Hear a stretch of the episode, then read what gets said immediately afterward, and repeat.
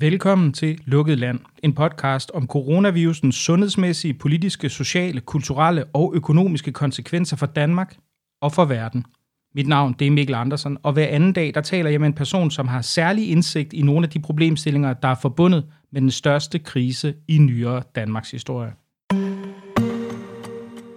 6 millioner amerikanere tog plads i arbejdsløshedskøen blot i den forgangne uge. Et antal ikke set siden den store depression i 30'erne. I Danmark er arbejdsløsheden, der ellers næsten var væk, også vendt tilbage med et brag og steget med 44.000 siden coronaen ramte. Samtidig er prognoserne for vel den internationale som den danske økonomi så dystre som nogensinde, selvom den danske regering har tændt for den helt store pengesprinkler, der sprøjter hjælpepakke milliarder ud over både lønmodtagere, virksomheder og selvstændige.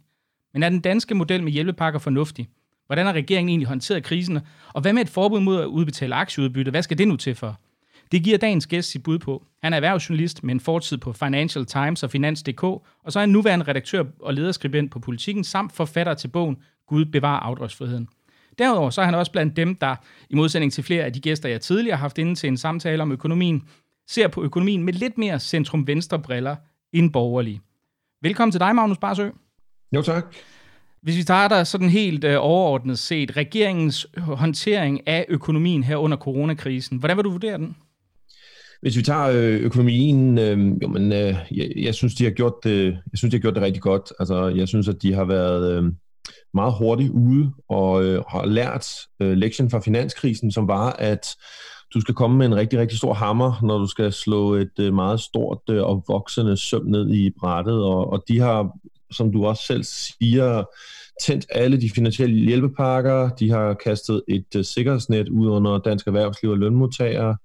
Øhm, og de har gjort det relativt hurtigt, og de har gjort det meget markant, og de har vist sig også klar til øh, at accelerere og trykke på speederen, hvis der kommer nye ting. Og, og en af de sætninger, som jeg har bidt mærke ved, som ligesom er gået igen fra finansminister Nikolaj Vammen, det er, at øh, vi vil gøre, hvad end det kræves. Og det er jo en kopi af Mario Draghi, den tidligere øh, centralbankchef for ECB, altså den europæiske centralbank, som sagde det i 2012, dengang at vi stod i den øh, europæiske gældskrise. Og det var netop den her sætning, som beroligede markedet til at sige, vi overlever sgu nok, euroen kommer nok igennem. Og den, den, øh, det er ligesom om, at den er sevet ind, at man skal, man skal virkelig markere meget klart over for, for alle aktører i, i sådan en øh, markedsøkonomi, at når der er panik øh, på, på broen, jamen så er kaptajnen der klar til faktisk at gøre hvad som helst. Men der er vel næsten, kan man sige, øh, også en lille smule god grund til panik. Jeg ved, at øh, finansministeren holdt, øh, holdt pressemøde i dag. Kan du prøve at udrede, hvad det var, der, der var budskabet her? Jamen altså, der er, der er alle mulige grund til at se rigtig dyster på det. Han skitserede tre forskellige scenarier, og det er det samme, som som Nationalbanken har forsøgt, og de økonomiske vismænd i løbet af de seneste par uger, altså skitsere forskellige scenarier for dansk økonomi. Og, og det er sådan forskellige varianter af den gode, den onde og den grusomme. Og øh, det grusomme er sådan set det, der nok er mest realistisk at tale om, fordi at øh, når jeg snakker med, med andre økonomer, og når jeg også læser deres kommentarer på baggrund af, hvad finansministeren sagde i dag, jamen så er det nok der, vi ligger, hvis ikke være. Og det, og det er altså et gok i nøden på, øh, på BNP-væksten på omkring 6%, og en stigning på, i ledigheden på omkring 55.000 i år, og næste år 1000 ekstra næste år, så begynder det så at vende. De skitserer selv i det her grusomme scenarie stadigvæk noget, der minder om sådan en, øh, hvad skal man sige, en U-kurve. Altså man har en hård nedgang, og så har man lidt en afmatning, og så stiger væksten altså relativt pænt bagefter. Og det er det her U, som der stadig diskuteres blandt, øh, blandt økonomer, som jeg måske også vil forholde mig en lille smule skeptisk overfor, altså om det bliver et L, mere dyb fald og en længerevarende afmatning, øhm, eller om vi vender hurtigt tilbage til vækst. Og, og der, er, der er billedet mudret. Altså, øh, finansministeren i dag sagde selv, at vi, vi styrer igennem et ocean øh, uden et kort, og, og det er jo faktisk ikke særlig betryggende at høre en til ledere siger det, men det er ikke desto mindre rigtigt. Men du, du siger, du, du er lidt skeptisk over for den her U-model, hvor man altså går, altså oplever et stort dyk, men så vender tilbage til et, til et hvis ikke det, det nuværende sådan, øh, niveau, så i hvert fald et, der ligner. Hvorfor, hvorfor tror du den her L-model, hvor man altså går dybt ned, og så bliver på et langt lavere liggende plateau i længere tid, hvorfor tror du, den er mere realistisk? Jeg synes, en ting, vi har lært allerede nu, efter de første par uger af den her krise, det er, at man stort set aldrig kan gennemskue, hvad der sker om to uger. Altså de politiske øh, muligheder og, og forslag, der kommer på bordet, er fuldstændig... Ja, altså, det, det, ting, vi troede var utænkelige for to uger siden, de bliver lige pludselig realistiske, og ting, man gør. Øh, altså, bare et eksempel. Den, øh, den britiske centralbank har besluttet i dag faktisk at finansiere nogle af den britiske regerings investeringer med nyprintede penge. Altså, det, er, det har været et utroligt fy fordi det er sådan ligesom at den middelalderkongen, der printer sin egen mønt for at finansiere krigsindsatsen. Øh, men det har man altså gjort, og hvem havde troet det for, for to-tre uger siden?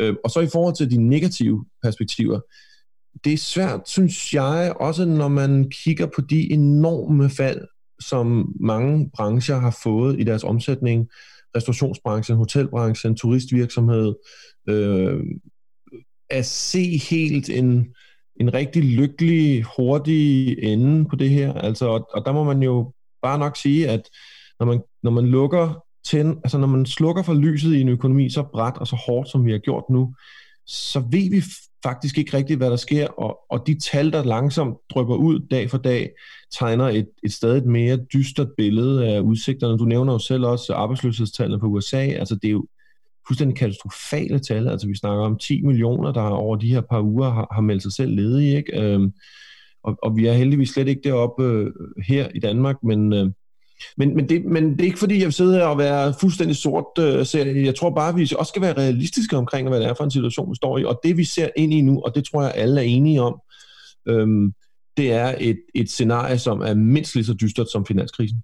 Kan, kan du prøve at sætte uh, sådan lidt kontekst? Nu sagde du, at man forventede en BNP-nedgang på 6%. Hvad, hvad var den egentlig under finanskrisen? For bare at få ja, en sammenligning. Der, der tog vi i, i de værste, i de værste sådan samlede år, kan man sige, uh, der tog vi en negativ vækst på 4,9, hvis jeg husker det helt præcist. Altså lige omkring 5% negativ øh, vækst. Nu har vi et, øh, et, øh, et, ja, et, et scenarie, der hedder øh, 6% negativ vækst. Og det er altså endda i den positive side, Nationalbanken, som regner med, at i deres negative estimater, der kommer endnu en bølge af virus til efteråret, som så også vil medføre endnu en omgang lukning af forskellige forretninger og erhvervsliv. De snakker om et BNP-fald på 10 procent. Og så det igen i forhold til det BNP-fald, der var i finanskrisen på omkring 5 procent. Det kan måske give folk en lille smule billede om, hvad det er, vi snakker om. Nu, nu spørger jeg virkelig dumt, og det gør jeg, fordi jeg overhovedet ikke er finansjournalist, men hvordan kan det være, at Finansministeriet og Nationalbankens estimater divergerer? Jeg, jeg tænker, at Nationalbanken er vel Danmarks nationale bank. Altså, hvad, hvad? Nationalbanken har også den rolle faktisk at være lidt, uh, lidt, lidt kritisk over for, for regeringen. Altså, de må gerne skærpe tonen lidt en gang imellem uh, og, og sige, og, og kommer også med anbefalinger til, til regeringens uh, politik sådan en gang imellem, hvis man, hvis man an, hvis, hvis uh, regeringen foreslår noget, der ligger inden for det område, som Nationalbanken uh, nu engang, uh, hvor, hvor de huserer. De laver estimater for dansk økonomi, uh, vismændene gør det samme, Øhm, og så har, har Finansministeriet og regeringen lavet deres. Altså man kan sige, at den ene ting, som jeg tænker, når jeg hører de her sådan lidt divergerende øhm, beregninger, det er, at regeringen jo trods alt selv ved, hvad den har tænkt sig at gøre over de næste par måneder og uger. Og måske, og det er bare mig, der sådan sidder og, og, og tænker lidt højt, men måske kigger de ind i, at de vil lempe øh, og åbne lidt mere for, for små erhvervsdrivende måske, end Nationalbanken ligger op til i deres øh, estimater. Altså de vil simpelthen, de har nogle andre præmisser, men det, men, men det, det er gissninger for, for, for mit punkt, og, og jeg, jeg giver det også ret i, i, i pointen, altså at der er, der er et vis, øh, vis, vis diskrepans mellem de to ting. Og lad mig lige sige en ting i forhold til det, som du også laver i, øh, i indledningen. Noget af det, som er vigtigst at snakke om i en økonomi i nedtur, det er jo arbejdsløshedstallene. Det er familier med regninger, der mister deres job. Det er folk, der bliver sparket ud. Det er folk, der ikke kan betale husregninger. Øh, og, og, og det er i virkeligheden kernen i stort set alle økonomiske kriser, og i virkeligheden også det, vi skal bekymre os mest om. Øhm, og, og, og der havde vi under finanskrisen i over en periode på omkring øh, ja, knap og nap to år, der mistede vi 180.000 private arbejdspladser og 200.000 samlede arbejdspladser. Rigtig, rigtig mange jobs. Øhm, nu har vi i løbet af de første her øh, par uger faktisk øh, måtte se omkring ja, 44-45.000 stille sig op i ledighedskøen, og så oven i det er der også nogen, der er blevet hjemsendte uden løn omkring 70.000. Vi ser endnu ikke lige så grælde arbejdsløshedstal som finanskrisen, men det er jo måske også bare et spørgsmål om, hvor lang tid den her krise rent faktisk har varet, fordi den har været utrolig hård over de uger, som den, øh, som den nu har varet. Men, men det fører måske meget sådan logisk hen til spørgsmålet om, jamen de her hjælpepakker, er, er de nok? Altså mange af dem for lønmodtagerne, de løber jo til, hvis jeg husker rigtigt, 1. juni. Øh, altså kan man imødese forlængelser eller supplerende hjælpepakker? Hvad, hvad, hvad, hvad, kan man, hvad vil være realistisk? Og måske også ønskværdigt i forhold til det set fra dit perspektiv? Jeg tror, at man kommer til at se forlængelser af hjælpepakkerne. Det begyndte de allerede at snakke lidt om i dag, at øh, at det er der, det er der nogen øh, på Christiansborg, der begynder at snakke om, og det tror jeg regeringen, eller det var regeringen øh, villig til at diskutere en forlængelse af. Øhm, jeg tror, vi kommer til at se endnu større beløb øh, brugt af regeringen øh, for at holde hånden under erhvervsliv og forbrugere. Vi snakker i øjeblikket om nogle beløb, der ligger omkring 60 milliarder i direkte øh, støtte, og så har vi samlet sådan nogle lånegarantier og likviditetsstøtte, altså udskudt moms og rentefri lån og andre forskellige pakker, der er strikket sammen, og det er en samlet pris omkring 300 milliarder, men altså at, at det er sådan ligesom kontante checkhæftet fremme, vi betaler de her penge, der snakker vi omkring 55-60 milliarder kroner, og jeg kunne kun forestille mig, at det beløb kommer til at vokse. Og det baserer jeg på to ting. For det første, at, at øh, vi bliver nødt til at forlænge, som du selv øh, siger, øh, de her pakkers længde, fordi at krisen nok kommer til at være mere, kommer til at være længere og mere alvorlig, end vi troede. Altså statsministeren har jo selv sagt, at ja, stort set alle kulturinstitutioner hele, hele kulturindustrien er lukket frem til 1. september øhm, øh, plus restauranter og caféer og så videre, øh, kommer næppe heller til, til at øh, komme op. Og to, øhm, hvis der er en af de vigtige lektier, man har fra finanskrisen, så er det, som jeg sagde før, at man skal hellere bruge for meget end for lidt. Og det tror jeg faktisk, den her regering er bevidst om. Når jeg snakker med nogle af de kilder, som jeg snakker med, som, som, er, som, er, som sidder i regeringen, så er de faktisk ret bevidste om, at man skal hellere slå for hårdt og bruge for mange penge nu, og komme med for store løfter om, om mange penge, og så skrue ned, hvis det bliver øh, nødvendigt at gøre det, og man ser inflation, eller man ser måske i virkeligheden, at man kan åbne op hurtigere, end man troede, og den slags øh, i løbet af efteråret. Altså hellere bruge for meget, og så sætte, øh, sæt bundsenbrænderen en lille smule ned øh, til efteråret. Hvorfor bruge, hvorfor bruge for meget? Det, det er jo økonomi altid handler om, det er jo mulige alternative udfald, og det, det alternative udfald i det her er jo, at vi får folk, som mister deres job, øh, som bliver langtidsledige. Det kommer til at underminere den øh, simpelthen økonomiens samlede produktivitet på sigt, øh, at man marginaliserer folk. Øh, øh, og, og det gør så, at man man først får et gok i nøden med BNP, altså med, med det her sådan 6% gok, hvis vi antager, at det er rigtigt, og så bliver det meget svært at vokse op fra det igen, fordi at man ender med at have rigtig mange dygtige produktive virksomheder og, øh, og, øh, og medarbejdere, der, der simpelthen øh, ja, der mister deres arbejde, og som så skal i gang igen. Og en ting er, en ting er lønmodtagere, der mister deres job, øh, den her form for produktivitetstab, øh, som der ligger. Der er også rigtig mange gode danske startup og virksomheder, som bare har en, en lille marken, altså de tjener ikke specielt mange penge ud af deres omsætning, men for dem er den her krise jo fuldstændig katastrofal, og, hvis, og der er jo rigtig mange gode forretningsidéer blandt, som er fuldstændig uforvarende blevet ramt af en virus og den efterfølgende krise. Øhm, og det er jo produktive, dygtige idéer, øh, som vi risikerer at, øh, at komme til at miste nu nævnte du selv, at det her kunne jo også på længere sigt gå hen og blive et problem for, for, for boligejerne. Jeg tænker, hvad, hvad, hvad tror du egentlig, der kommer til at ske på, nu kan man sige, nu er du afdragsfrihed, er jo været et af de emner, du har beskæftiget dig meget med, men hvad tror du, der kommer til at ske på boligmarkedet? Hvad kan man forvente her?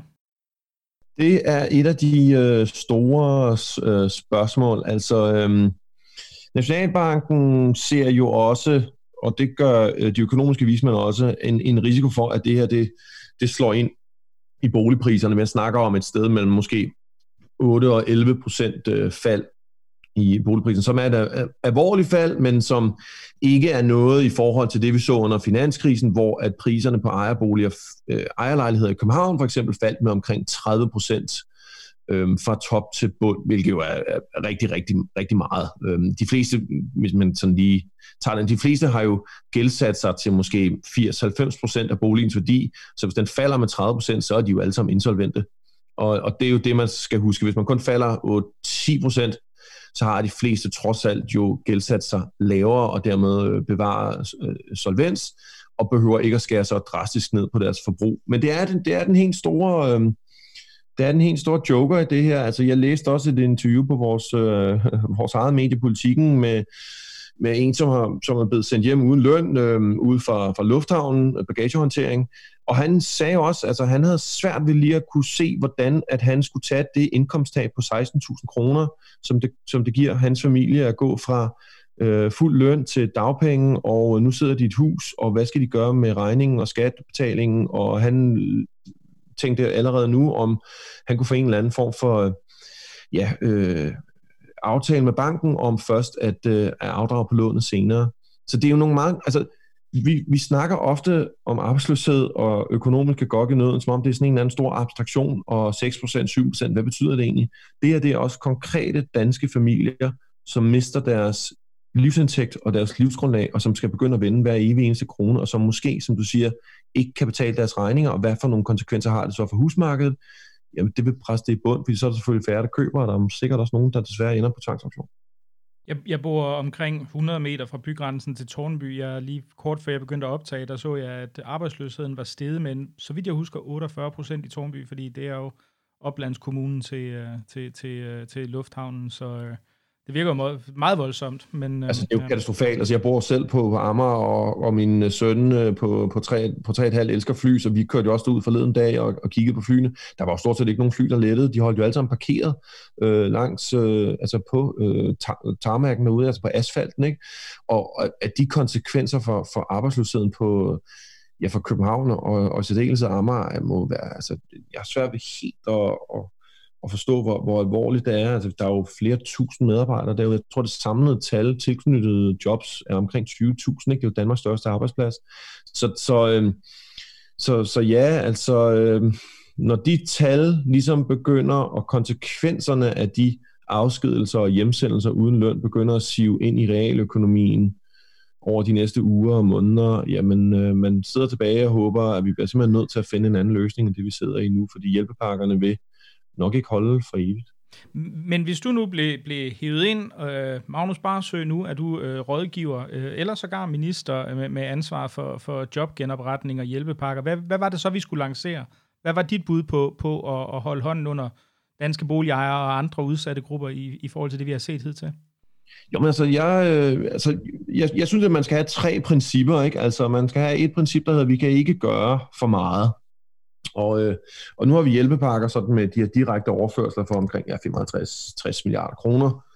Øhm, det svarer til 2,5-2,3 procent af Danmarks øh, BNP, og så har vi også de her likviditet og lån og så videre oveni.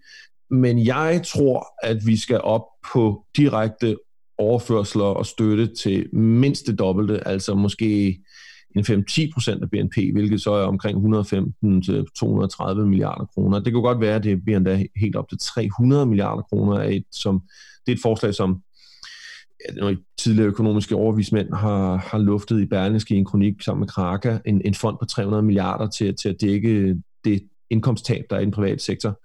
Øhm, og det kan godt være, at det er noget af den stil. Øhm, men altså, hellere være klar på at være villig til at bruge så mange penge nu, fordi alternativerne er, er ganske forfærdelige. Øhm, og, så, og så også et andet princip, som, som jeg synes, man glemmer lidt øh, indtil videre i debatten om de her pakker, det er, jeg synes, man skal have familier først. Jeg synes, at det er rigtigt, at man har, man har lavet de her lønkompensationsordninger øh, som en rigtig kløgtig måde at bevare arbejdspladser, øh, så man slipper for sådan at og nogen bliver fyret, og så kan virksomheden måske ansætte dem tilbage, men det bevarer en tilknytning til virksomheden, så forhåbentlig, når vi tænder for økonomien igen, at de så kan gå direkte tilbage. Men vi skal også være bevidste om, at der er altså nogen, der bliver fyret, uanset hvor lukrative de her pakker er, fordi at virksomhederne virksomheden står i rigtig, rigtig store likviditets- og omsætningsproblemer, og måske kigger også ind i et år, der bliver rigtig, rigtig hårdt. Så derfor så er det ikke nok måske kun at støtte virksomhederne, eller støtte lønmodtagerne via virksomhederne, men at støtte lønmodtagerne direkte. Og det, her taler jeg blandt andet om at lave direkte overførsler til, øh, til borgerne. Altså det har man gjort i USA, man har gjort det i Hongkong, man har gjort det i Singapore, øh, fordi det kan understøtte efterspørgselen, når vi sådan, øh, ja både nu, men også på vej ud af krisen, når vi langsomt begynder at åbne op øh, igen. Det er det her øh, lidt forkædrede begreb, man kalder helikopterpenge, hvor man så ligesom forestiller sig, at der er en helikopter, der flyver hen over økonomien, og så kaster penge ud til, til folk, og det er jo, man siger jo sig selv, at det vil jo selvfølgelig understøtte efterspørgselen, fordi folk vil bruge de her kontanter. Øh, og, og det er sådan lidt et forkædret billede og karikeret, men det er ikke desto mindre lidt rigtigt. Altså, man kan sagtens øh, bruge flere penge, og, øh, og på den måde, øh, ja, sende, sende, sende mere gang i økonomien. Så, så det er ligesom det andet princip, at vi også husker familierne. Og så den sidste, det, det er så rettigheder og pligter. Altså vi redder i øjeblikket tusindvis af virksomheder, inklusive ret mange, der i forvejen har valgt at drive en ret risikabel forretning. Og det her synes jeg, at staten skal stille nogle modkrav og løse nogle af de problemer, som vi ellers øh, står overfor. Det kan være i forhold til klimaomstilling, det kan være i forhold til at bremse aktietilbagekøb, tilbagekøb det kan være i forhold til udbytte, øh, ejerandele eller topledelse eller nogle andre ting. Altså jeg synes ikke, at staten skal drive virksomhed i alle mulige afkroge. Bestemt ikke. Men, øh, men jeg synes også, at det er rimeligt, at øh, når staten skal gå ind og redde private foretagender, som man jo som virksomhedsejer og bestyrelse selv har valgt at drive på en bestemt måde, øh, så selvfølgelig har nogle modkrav. Øh, de skal være rimelige, men, øh, men det synes jeg, det synes jeg at, at, at, altså sådan foregår det jo i en markedsøkonomi. Men, men der, vil man, der vil være nogle borgerlige, der vil komme og sige øh, noget i stil med, jamen prøv her, når det er staten, der går ind og siger, at vi ikke kan drive vores virksomhed, eller skaber nogle, nogle, øh, nogle hvad kan man sige, vilkår, der gør det umuligt at drive vores virksomhed, så er det vel nærmest noget, der kan sammenlignes med en ekspropriering, eller sådan et eller andet, hvor man kan sige, jamen hvis staten fratager os vores mulighed for at eksistere gennem sine tiltag, så er det vel rimeligt nok, at man skal kompenseres i en eller anden udstrækning, uden at, at der nødvendigvis stilles modkrav. Jo, det er rigtigt. Altså, jeg sidder selv i bestyrelsen i en stor privat øh, medievirksomhed, job i Politikens Hus.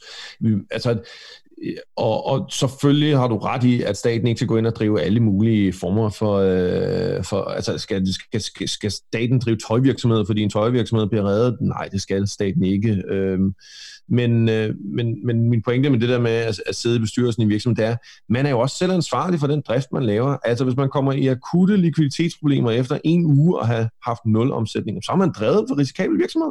Altså det har man bare. Altså jeg har selv kan mærker for CBS, og det er bare god, øh, øh, god børnelærdom i enhver virksomhedsdrift, at man selvfølgelig skal have en øh, relativt likvid egenkapital, at man skal have nogle penge, så at hvis man får et ordentligt ja, gok i nøden, i cashflow, og man simpelthen ikke har nogen penge, der kommer ind, og så kan man stå imod, og man, og man sådan er relativt velpolstret. Fordi der sidder jo også rigtig mange velpolstrede virksomheder her rundt omkring i Danmark, som nu kigger på mange af dem, der nærmest har guldfeber i øjnene, og som ser staten som den helt store øh, øh, ja, øh, malkeko, man så kan komme ind, og så kan man tage, øh, få en masse penge, og så, øh, så kan man drive en virksomhed, som, som måske er blevet drevet for risikabelt til at starte med. Og det skal man altså også huske. Vi har også et ansvar over for de virksomhedsejere, bestyrelser og direktioner, som har drevet en rigtig, rigtig solid virksomhed, som ikke har brug for akut likviditetsmangel i løbet af to-tre uger. Hvis, hvis vi nu, øh, jeg, jeg nu fortsætter med at give den som, som djævelens advokat på de, på de borgerlige vejen, hvilket af en eller anden grund ikke falder mig så svært. Øhm, hvad vil du sige til... men det, ja, ja, det, det, jeg skal dog sige, ja, jeg er faktisk enig med stort set alt, du siger, men nu ikke det så mindre, så vil jeg sige, den, der er jo flere, der, der går ud og siger, at at, at, hvad det hedder, øhm, at vi skal ikke parkere den her enorme regning, altså de her mange, mange næsten fantasiliarder, øhm, altså i børneværelset, hvilket er det, er det man mener, øh, der sker for indeværende, ikke? at det bliver de kommende generationer, som på en eller anden måde skal løfte dem. Det kan ikke være rigtigt, altså. Der må også være, der må vi gå ind og sige, at det kan godt være, at det bliver hårdt, men, men det må vi måske indstille os på for indeværende. Hvad, hvad er svaret til dem? To ting. Jeg har selv skrevet en bog om privatgæld, og hvis der er nogen, som er kritisk over for konsekvenserne af høj privatgæld, så er det mig. Jeg har øh, selv ikke afdragsfrihed. Jeg har en friværdi på omkring 60 procent, øh, fordi det har været heldig nok til at have en formue, der kan, og jeg er glad for ikke at være så forgældet. Jeg har betalt min studiegæld ud. Øh, privatgæld er et problem, fordi det meget hurtigt bliver et realøkonomisk problem. Din gæld bliver meget hurtigt mit problem, fordi at dit forbrug falder, hvis for eksempel din huspris falder, og du er dybt forgældet, og du bliver nødt til at skære ned på dit forbrug, og så hiver du økonomien ned, og så lige pludselig bliver din gæld mit øh, problem. Så der er ikke nogen, der er mere skeptisk over for privatgæld og, og, og de konsekvenser, det kan have for, for økonomien end mig. Når, den, når jeg så også siger to, så er det, hvis der er noget, vi har lært siden finanskrisen, så er det, at forskningen på offentlig, altså statslig gæld, faktisk betyder langt mindre, end vi troede øh, i forhold til vækst og muligheder for økonomien. Samspillet mellem prisen på gælden og niveauet på gælden. Altså, øh, Italien har en gæld, der er på 135 procent af deres BNP. De betaler omkring 1,5 procent i rente på den her gæld, hvis de skal ud og udstede nye 10 år i statsobligationer. Øh, Japan, mest forgældet land i verden, ikke just en eller anden form for øh, Kenya eller Venezuela. Det er et velfungerende øh, land, der stadig kan investere offensivt i at nå ja, klimaforandringer og klimainvesteringer osv. Gæld, offentlig gæld, statslig gæld er ikke bare øh, spiller ikke en lige så stor rolle for den økonomiske formåen, og heller ikke, det er heller ikke det er heller ikke rigtigt at, at kalde det en regning, vi efterlader i børneværelset. Det er faktisk, man skal se det på en, en investering i, at børnenes fremtid kommer til at være lysere og grønnere og fyldt med flere jobs. Og det er rigtigt, hvis man siger, okay, hvis du optager 200 milliarder kroner i gæld til en rente på omkring 0 og snoller dem op, øh, så øh, ingen behøver at arbejde, og vi alle sammen bare kan ligge i Sensanoen, og vi får statsfinansieret øh, alkohol, jamen så er det måske ikke specielt produktivt, og kommer nok heller ikke til at skabe specielt mange jobs. Men hvis vi bruger de 200 milliarder med nogenlunde to hjerneceller, så er det jo altså nemt noget, der forrentes med en langt højere rente end den her 0%, som vi kan optage det ved. Og det er jo det, der er pointen. Altså hvis vi kan forrente de her penge samfundsøkonomisk højere end prisen for penge, jamen så er det en god investering. Og dermed er det faktisk ikke en regning, vi efterlader i børneværelset. Det er faktisk væsentligt bedre kår øh, for de næste generationer. Og hvis der, altså jeg har selv to sønner. Hvis jeg synes, at gæld var så fantastisk dårlig en idé for staten Danmark at optage, jamen så vil jeg nok ikke øh, argumentere for det. Er alle mennesker i, i, og alle regeringer i, i hele verden, er de gået hen og blevet keynesianere nu? Æh, det kan nemt blive sådan lidt en teknisk diskussion, hvad, hvad Keynes egentlig sagde. Keynes sagde jo også, at man også skulle ligesom øh, altså, spænde bæltet lidt, øh, når det hele gik lidt øh, godt, og det, det har man måske ikke gjort alle steder øh, rundt omkring. Men jo, altså, øh, hvis jeg må give nogle, af, nu var du lidt øh, borgerlig øh, øh advokat før, hvis jeg må give nogle af de borgerlige øh, lidt igen, så vil jeg sige, altså svarene for Liberal Alliance og andre omkring øh, den fløj har jo været lige nul. Altså de har jo ikke nogen offensive øh, krisesvar, når vi står i sådan en afgrundsdyb krise, som vi står. Og der må vi bare falde tilbage på gode gamle Keynes, øh, som har været sat lidt i skamkrogen i en, i en 30-40 år måske. Men øh, når krisen kommer, og vi alle sammen er nede i øh, skyttegraven, jamen så bliver vi alle sammen med keynesianere, som øh, Robert øh, Lucas, som var i øvrigt en kritiker af Keynes, øh, selv sagde. Men det er, jo, det, er jo det, der, det er jo det, der er pointen. Keynes har bare et offensivt modsvar til kriser, og det er, at når øh, forbruget i den private sektor kollapser, så må der være en forbruger af last resort, og det er den offentlige sektor. De har både musklerne til det og, øh, og, øh, og styrken til det og viljen til det, øh, så, så det er det, de skal gøre. Men hvis vi, hvis vi ser sådan mere overordnet, hvis vi nu forestiller os, lad os, lad os antage, at, at Danmark kommer ud af den her krise måske en gang til efteråret på en eller anden måde, vi antager, at der ikke kommer en anden bølge af virusen, og, og vi er så kommet igennem øh, i, i, på bedste beskub med de hjælpepakker, der nu er. Hvordan vil Danmarks økonomi så se ud efter krisen? Ja, det er et, øh, det er et rigtig godt spørgsmål. Altså, øh, og det tror jeg, at alle, øh, der interesserer sig for økonomi, øh, i øjeblikket funderer en, en smule over. Altså, øh, lad mig give et eksempel. Hvordan kommer det her med, at virus og social distance til at influere langsigtet på øhm, koncerter, på restauranter, på kulturforsamlinger? Øhm, kommer vi til at gå tilbage til det samme, som vi havde før med det samme, eller kommer det til at gå to år, eller hvor hurtigt går det?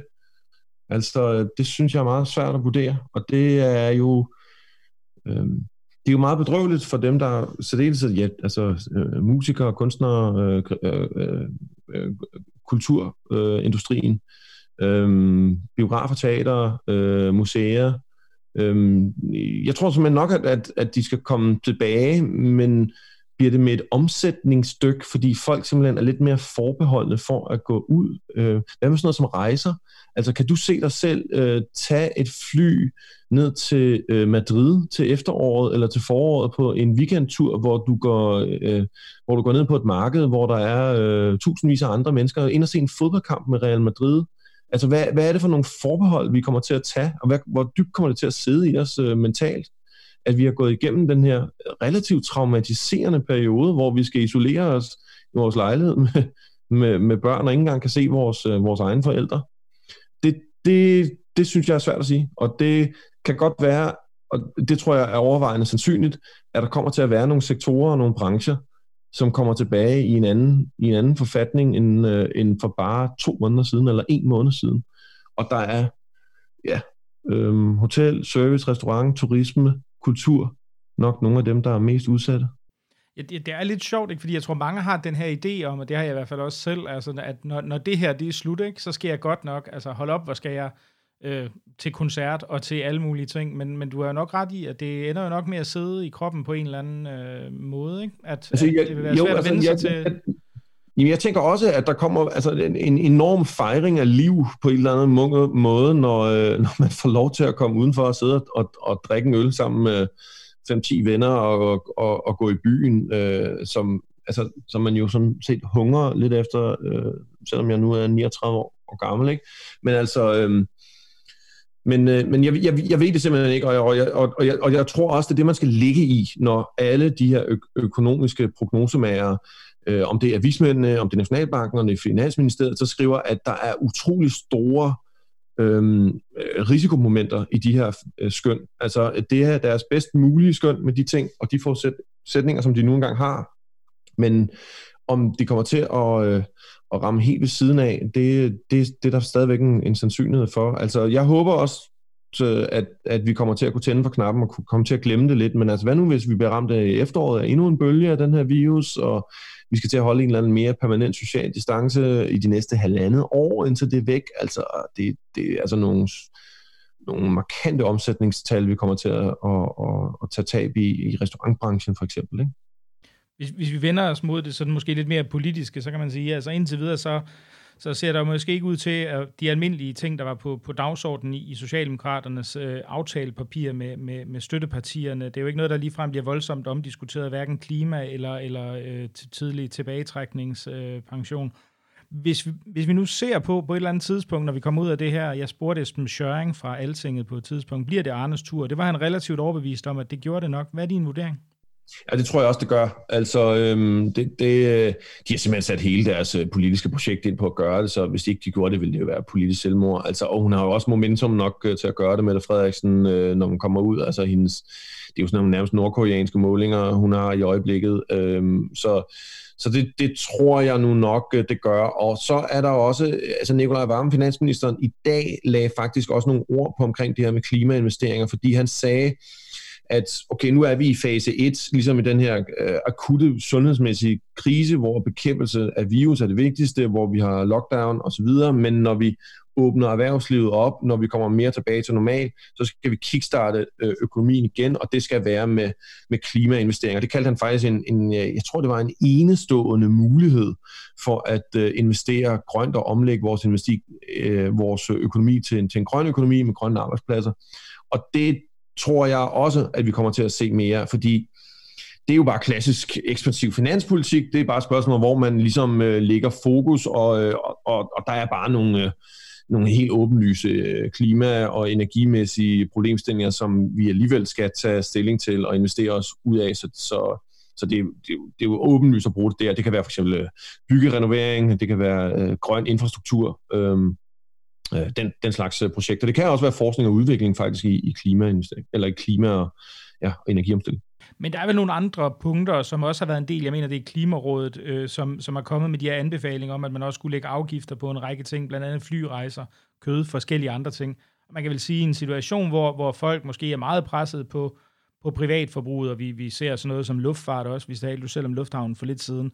Der kunne det, man måske godt forestille sig, at det var nogle af de ting, der var meget svære at, at gå ind og sige, nu har I lige været igennem en, en ekstrem brutal krise. Har får I lige en CO2-afgift oveni? Værsgo. Ja, det, det, det, det er du helt ret i. Altså, men den, her, den ville regeringen jo faktisk ikke engang røre med, med en ildtang før coronakrisen. Altså, alle økonomer og alle, øh, der har sat sig lidt ind i det her, inklusive Klimarådet og øh, ja, alle mulige andre, siger jo selvfølgelig, at hvis du gerne vil gøre det Altså, hvis du gerne vil reducere CO2-udledningen, så skal du selvfølgelig gøre det dyrere at udlede CO2. Men hvem er Danmarks største klima- eller CO2-udleder? Ja, det er Aalborg Portland. Og hvem er de? Jo, de er socialdemokratiske kernevælgere oppe i, Aalborg. Så det er ikke nogen socialdemokrater er særlig glade for at røre ved, men det er noget, de bliver nødt til, hvis de mener den her klimaomstilling øh, seriøst. Så selvfølgelig har du ret i, at, øh, at, øh, at pålægge øh, industrien med en skat øh, på vej ud af øh, en historisk krise, det er nok ikke noget, de gør, men på et eller andet tidspunkt bliver de nødt til at gøre det. Det er jo også noget, som stort set alle andre partier som vil noget på den her klimadagsorden, øh, presser på for, at regeringen skal acceptere. Så det, det er nok et spørgsmål om tid, men, men du har ret, det er nok ikke, det er bestemt ikke det første, de kommer ud med. Og lad mig lige knytte også en kommentar til det her med flyindustrien.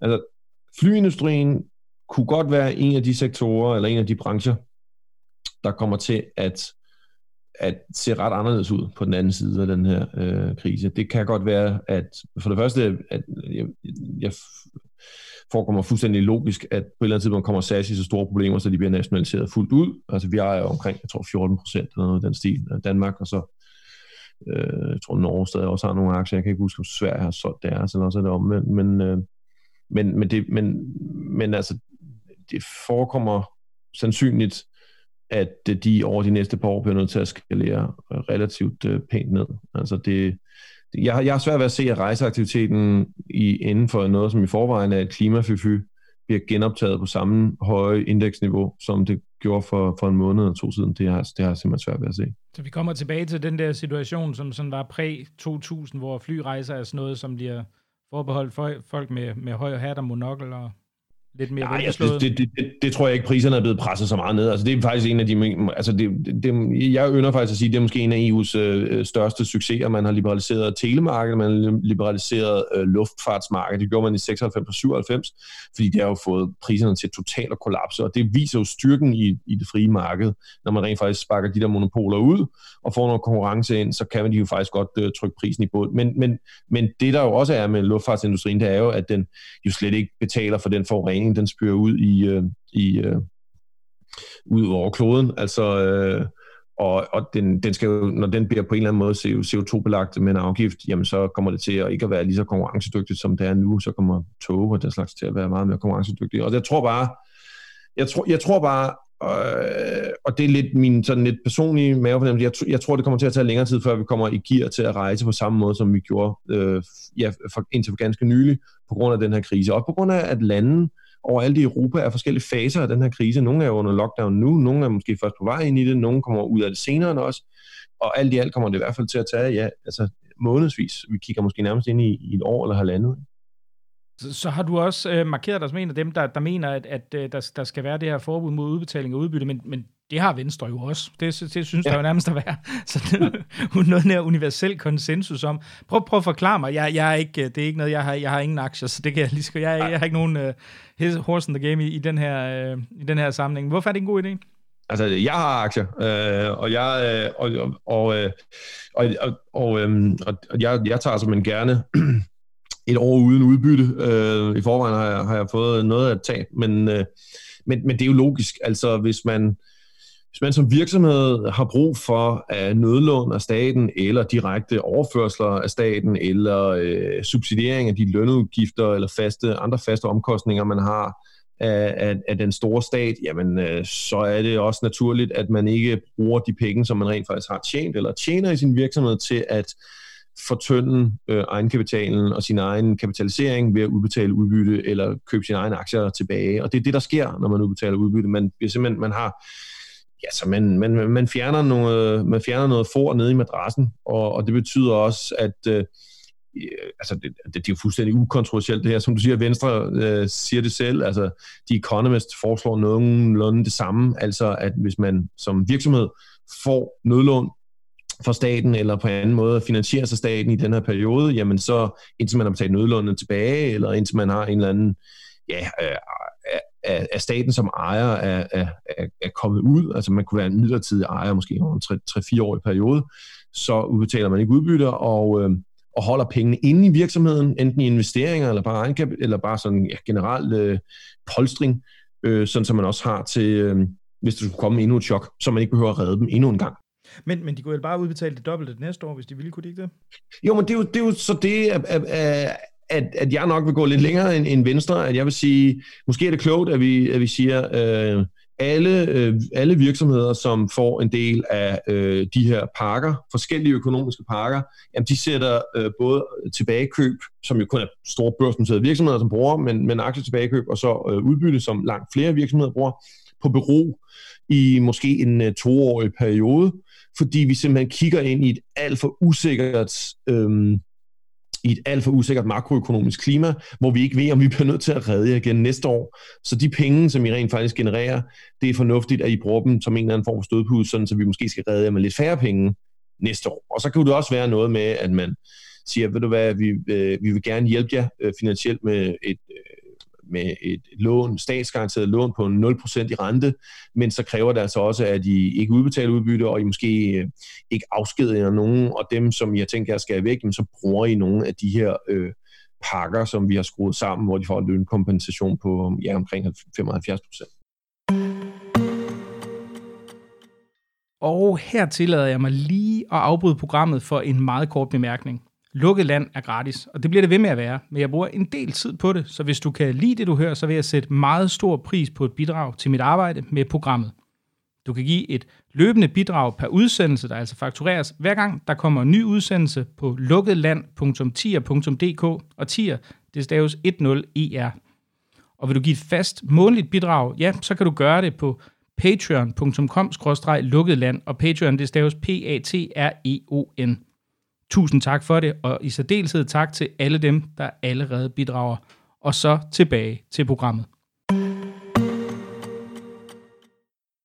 Nu har jeg så spurgt sådan finansjournalisten, erhvervsjournalisten Magnus Barsø om en hel masse. Nu vil jeg måske godt uh, prøve at høre den sådan mere generiske journalist. Hvordan synes du, pressen, sådan over en bred kamp, har, har håndteret den her krise? Og der taler jeg ikke om i økonomisk forstand, måske mere i forhold til, hvordan virusen har spredt sig, og, øh, og sådan den, den generelle problematik i forhold til de her ting.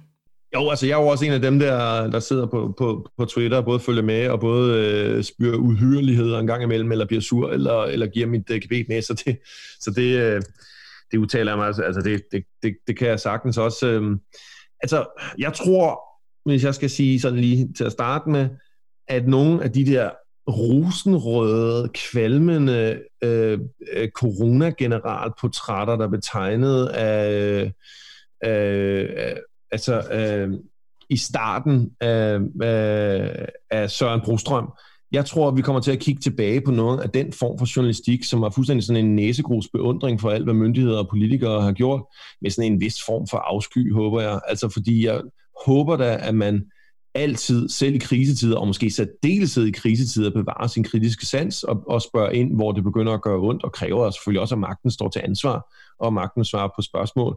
Det betyder det, dermed ikke sagt, at vi alle sammen er, alle sammen er eksperter i, i alting, alt fra økonomi til øh, flokimmunitet og hvad det ellers øh, øh, kan være, men, men vi journalister lever jo af sådan set at spørge folk, der ved noget om tingene, dumme spørgsmål, og så selv blive klogere, og dermed blive bedre til at udfordre øh, dem, der siger, at de er eksperter eller myndigheder og politikere.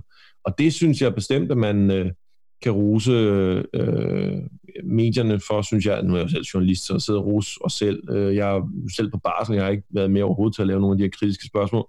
Jeg har bare siddet og raset lidt på Twitter, men jeg synes, der er blevet bedrevet væsentligt bedre journalistik de sidste par uger, end at blive i, øh, i den første, første periode.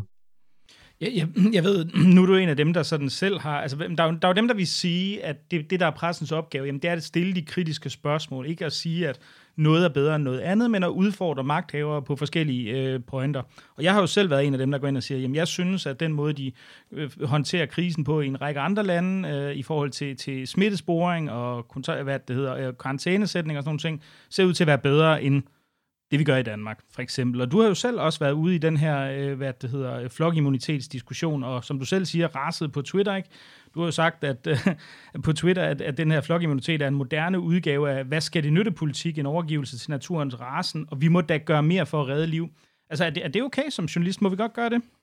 Ja, jeg er jo debatredaktør, så, øh, så jeg, har, jeg, jeg tror, jeg har sådan en relativt øh, øh bred øh, øh, spændvide eller i, i livremmen der. Altså, jeg har lov til, jeg har lov til at sige rigtig mange ting. Jeg er også lederskribent, øh, så, så det kommer lidt naturligt at have nogle holdninger, men, men, øh, men jo, altså, der er der, der er der sikkert en diskussion, om man må det øh, eller ej, men, men, men lad mig også sige, øh, jeg synes jo også, at vores rolle som journalister øh, er der, og, og, og folk, der, altså, der har en holdning til, til samfundet, øh, at, at prøve lidt at sætte os ind i, øh, hvad det er, øh, andre måske lande gør godt, øh, hvad er argumenterne for og imod, øh, og så være, tage det med hjem øh, i, i debatten herhjemme, både i forhold til vores konkrete arbejde, men, øh, men også i forhold til selv øh, at komme med nogle indspark øh, i, i den bredere samfundsdebat, om vi nu er på rette spor, eller om man bør, bør rejse nogle legitime spørgsmål.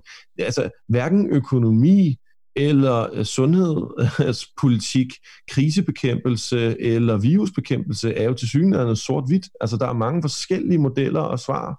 Og hvem siger, at Sundhedsstyrelsen har de rigtige svar? Det synes jeg at man skal være kritisk øh, overfor. Altså, øhm, tag, tag sådan noget eksempel som, som flokimmunitet, og det, som jeg har været kritisk overfor, det er den helt basale matematik i det. Det synes jeg, man skal være ærlig omkring. Altså, at hvis vi snakker om en dødelighed på ja, 0,5 procent eller noget af den stil, jamen så er det jo et sted mellem ja, 12 og 20.000 danskere, der skal dø. Og så er der nogen, der siger, jamen det er svagelige og, og ældre, og folk med dårlig immunforsvar, jamen altså, øh, min søn Kalle går i, i vuggestue med et barn med dårlig immunforsvar, er det så okay, at hun også krasser af? Altså selvfølgelig, det er der jo ingen, der vil sige. Selvfølgelig er det ikke okay, at hun krasser af. Men vi bliver nødt til at være ærlige omkring, at 15.000, måske 20.000 døde er relativt grælt scenarie at kigge ind i, øhm, og hvis vi skal kunne vurdere, om vores myndigheder og politikere er på rette spor, så bliver de nødt til at være ærlige omkring, hvad det er, konsekvenserne er af deres, øh, deres politik, fordi ellers så bliver det jo alt sammen sådan et eller andet, ja, så, så foregår alle, alle tingene inde i den mystiske baglokale, og vi andre kan ikke gennemskue jeg, jeg oplever lidt, at det er sådan en hjemmebrygget tese, men jeg synes lidt, nogle gange, jeg kan se sådan en generationskonflikt. For der er ikke nogen tvivl om, jeg, jo, altså jeg skriver klummer i Berlinsk, og jeg jo laver både det, man sådan kalder klassisk journalistik i ny og næ, men også masser af debatstof. Men jeg synes også, der synes at være lidt en generationskonflikt, hvor der er måske lidt ældre journalister, som holder meget på den her, sådan, hvad kan vi kalde det, tilstræbte objektivitet, ikke? hvor man ligesom øh, forsøger at holde sig fuldstændig holdningsmæssigt neutral, hvor jeg synes, at jeg er selv 41, du, du er så 39, hvor jeg synes, at der er en, måske større villighed til, til sådan at melde, melde holdningsbaseret ud øh, i vores generation. Er det noget, du kan genkende? Det kunne, det, det, kunne, det kunne sagtens være. Altså, øhm, øh, øh, jeg, jeg, har det, jeg har det også sådan, jeg kan sagtens forstå, jeg har også gode kollegaer på min, på min egen alder og yngre, som jo er de her tilstræbt objektive journalister. Det er deres gebet, og det er deres métier, og det er det, de laver, og de er også lidt varsomme med at komme ud og udtale sig øh, i, i debatter om, om, om, hvad det end skulle være på, på Twitter, fordi at de gerne vil være næste gang, de interviewer øh, en virksomhedsejer eller en politiker, eller hvem det nu end er, at, at, de, at de bliver set som, som, som objektive, og det synes jeg er helt fair. Jeg, jeg, jeg, jeg tror også bare, at vi måske nogen af os, øh, Mikkel, som også er drevet af på en eller anden måde, at, øh, øh, at altså, Øh, at hvis vi ser noget, som vi synes er, virker dumt, øh, eller som vi virker ureflekteret, eller ting, som ikke der bliver gjort opmærksom på, så kan man ikke lade være med at, at række fingrene op. Altså, lad mig, lad mig også give et eksempel. Altså, øhm, øh, Paul Romer, som er en Nobelprisvindende økonom, skrev et fremragende indlæg i New York Times øh, forleden, hvor han netop skrev, hvor han var en økonom, der gik til sundhedspolitik, eller rettere sagt, hvad skal der til for at bekæmpe den her virus? Og han sagde, vi skal simpelthen op i et helt, helt andet testgear. Det skal være masse test, og det skal være produktion, masse produktion af test og værnemidler, og du skal komme til at se øh, folk, der går med maske nogenlunde hver dag for at kunne bekæmpe det. Altså en eller anden form for krigstilstand, og man skal accelerere økonomien. Jeg synes, hans resonemang og logik giver super god mening. Og når jeg så ser øh, sundhedsmyndighederne stå det ene møde og sige, at man, øh, at man øh, ja, at man ikke bør, at det ikke er evidens for at bære masker, men at dermed også sige, jo, men der er faktisk evidens for at bære masker, at det hjælper, men folks adfærd, når de bærer masker, gør, at det opvejer evidensen. Så begynder man sådan at tænke, har I overhovedet egentlig styr på generelt, hvad det er for en proces, vi har gang i, og, øh, og er jeres løsning nødvendigvis den rigtige? Og når man sådan ligesom har set det, og læst gode folk rundt omkring, øh, komme med noget, der virker kvalificeret, velreflekteret, velargumenteret indspark, jamen så synes jeg da også, at vi har en forpligtelse til at prøve at rejse i debatten herhjemme. Og jeg synes, og min sidste ting, nu bliver sådan lidt lang smør, men jeg synes, der er sådan lidt en, en jantelovsagtig tilgang til det her fra myndighedernes side, altså som om, at, det, at Danmark ikke kan lære noget af Singapore eller Vietnam for den sags skyld, eller måske endda Kina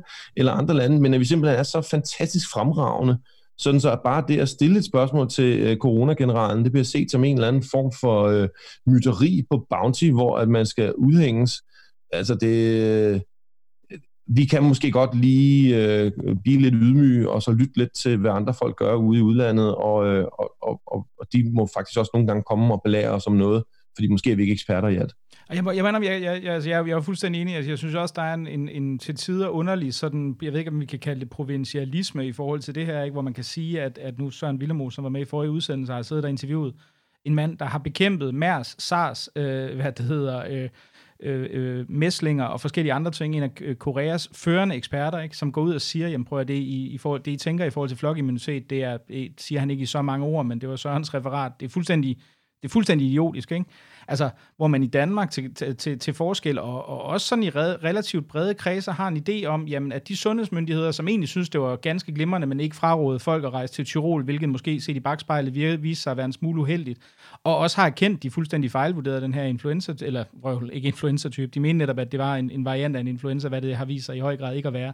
At, at, at det er nogen, som det næsten er sakrosant at stille spørgsmålstegn ved, fordi i virkeligheden er det kun folk, der har en sundhedsfaglig baggrund eller ekspertise inden for epidemiologi, som har ret til at blande sig i de her diskussioner, hvilket jeg synes er ret underligt, fordi det er ret indlysende, hvis man, særligt hvis man kigger ud over landets grænser, vi kan jo bare kigge til Tyskland eller Norge, så er der jo rigelige mennesker, rigelige eksperter, og regeringer også, der vælger at tage en anden strategi, end det, som man har valgt i Danmark. Og der må man sige, at særligt også, når, når vi kigger på, på folk fra WHO, og det er, det er jeg sikker på, at de er sikkert følagt over for Kina, hvilke mange øh, anfører, men der er altså mange folk, der sidder der, som har en meget praktisk erfaring med at bekæmpe de her viruser. Og der kan man sige, hvis man nu skal sige det pænt, det er måske ikke det, der præger i nær så høj grad øh, Sundhedsstyrelsen eller Statens Serum Institut.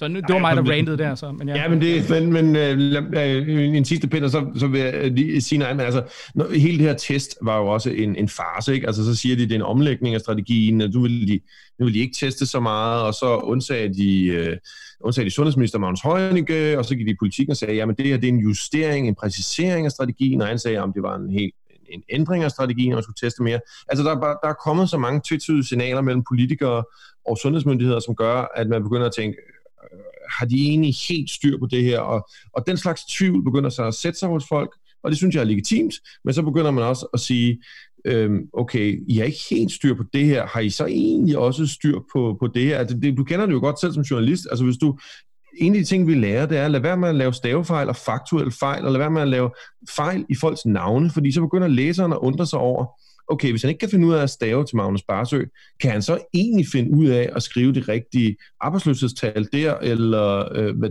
hvad det er der? Det skaber tvivl om, om det hele, og det, der synes jeg, at de har gjort sig åben for kritik. Og så må jeg en, det, mit udgangspunkt er jo sådan lidt erhvervsøkonomi og økonomi. Lad os tage sådan en som Keynes, som vi vender tilbage til. Han er jo ikke engang økonom. Altså, han er jo bifagsøkonom. Han studerede i kort tid økonomi, men var historiker og bare en mand af en helt utrolig intelligens. Og det er slet ikke, fordi jeg siger, at nogle af os andre er det. Jeg siger bare, nogle gange kan der godt komme eksperter andre steder fra, og det er måske vores journalistiske rolle at hive dem ind, også i debatten, som kommer fra et andet udgangspunkt, men som ser på det på en anden måde, og det kan måske være berigende. Altså i økonomi synes jeg da også nogle gange, at de mest berigende diskussioner om økonomi og samfundsforhold øh, bliver holdt af folk, der kommer fra andre uddannelser end økonomi. Altså det kan være fra statskundskab, eller det kan være andre steder. Jeg siger ikke, at de ved alt om økonomi, og det er måske meget godt at have nogle økonomer med, men, øh, men, men sådan en eller anden form for, for, øh, for, for blandet faglighed kan måske godt give os de bedste svar på, øh, på forskellige kriser og spørgsmål, og det er det her, den her krise måske også et, øh, et eksempel på. Altså man vil sige, det, er, det er jo i hvert fald fascinerende, at, øh, at hvad det hedder, den tyske regering ser ud til i nogen grad at være inspireret af et essay, der er skrevet af en, der hedder Thomas Pueo, det hedder The Hammer and the Dance, og vi har vendt det adskillige gange også på den her podcast med forskellige gæster.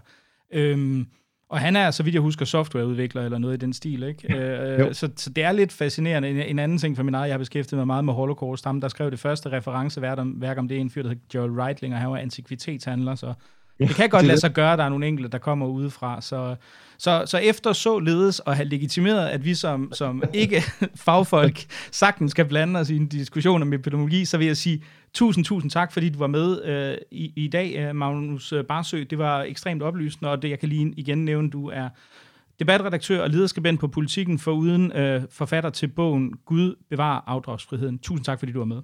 Selv tak. Tusind tak, for at jeg måtte.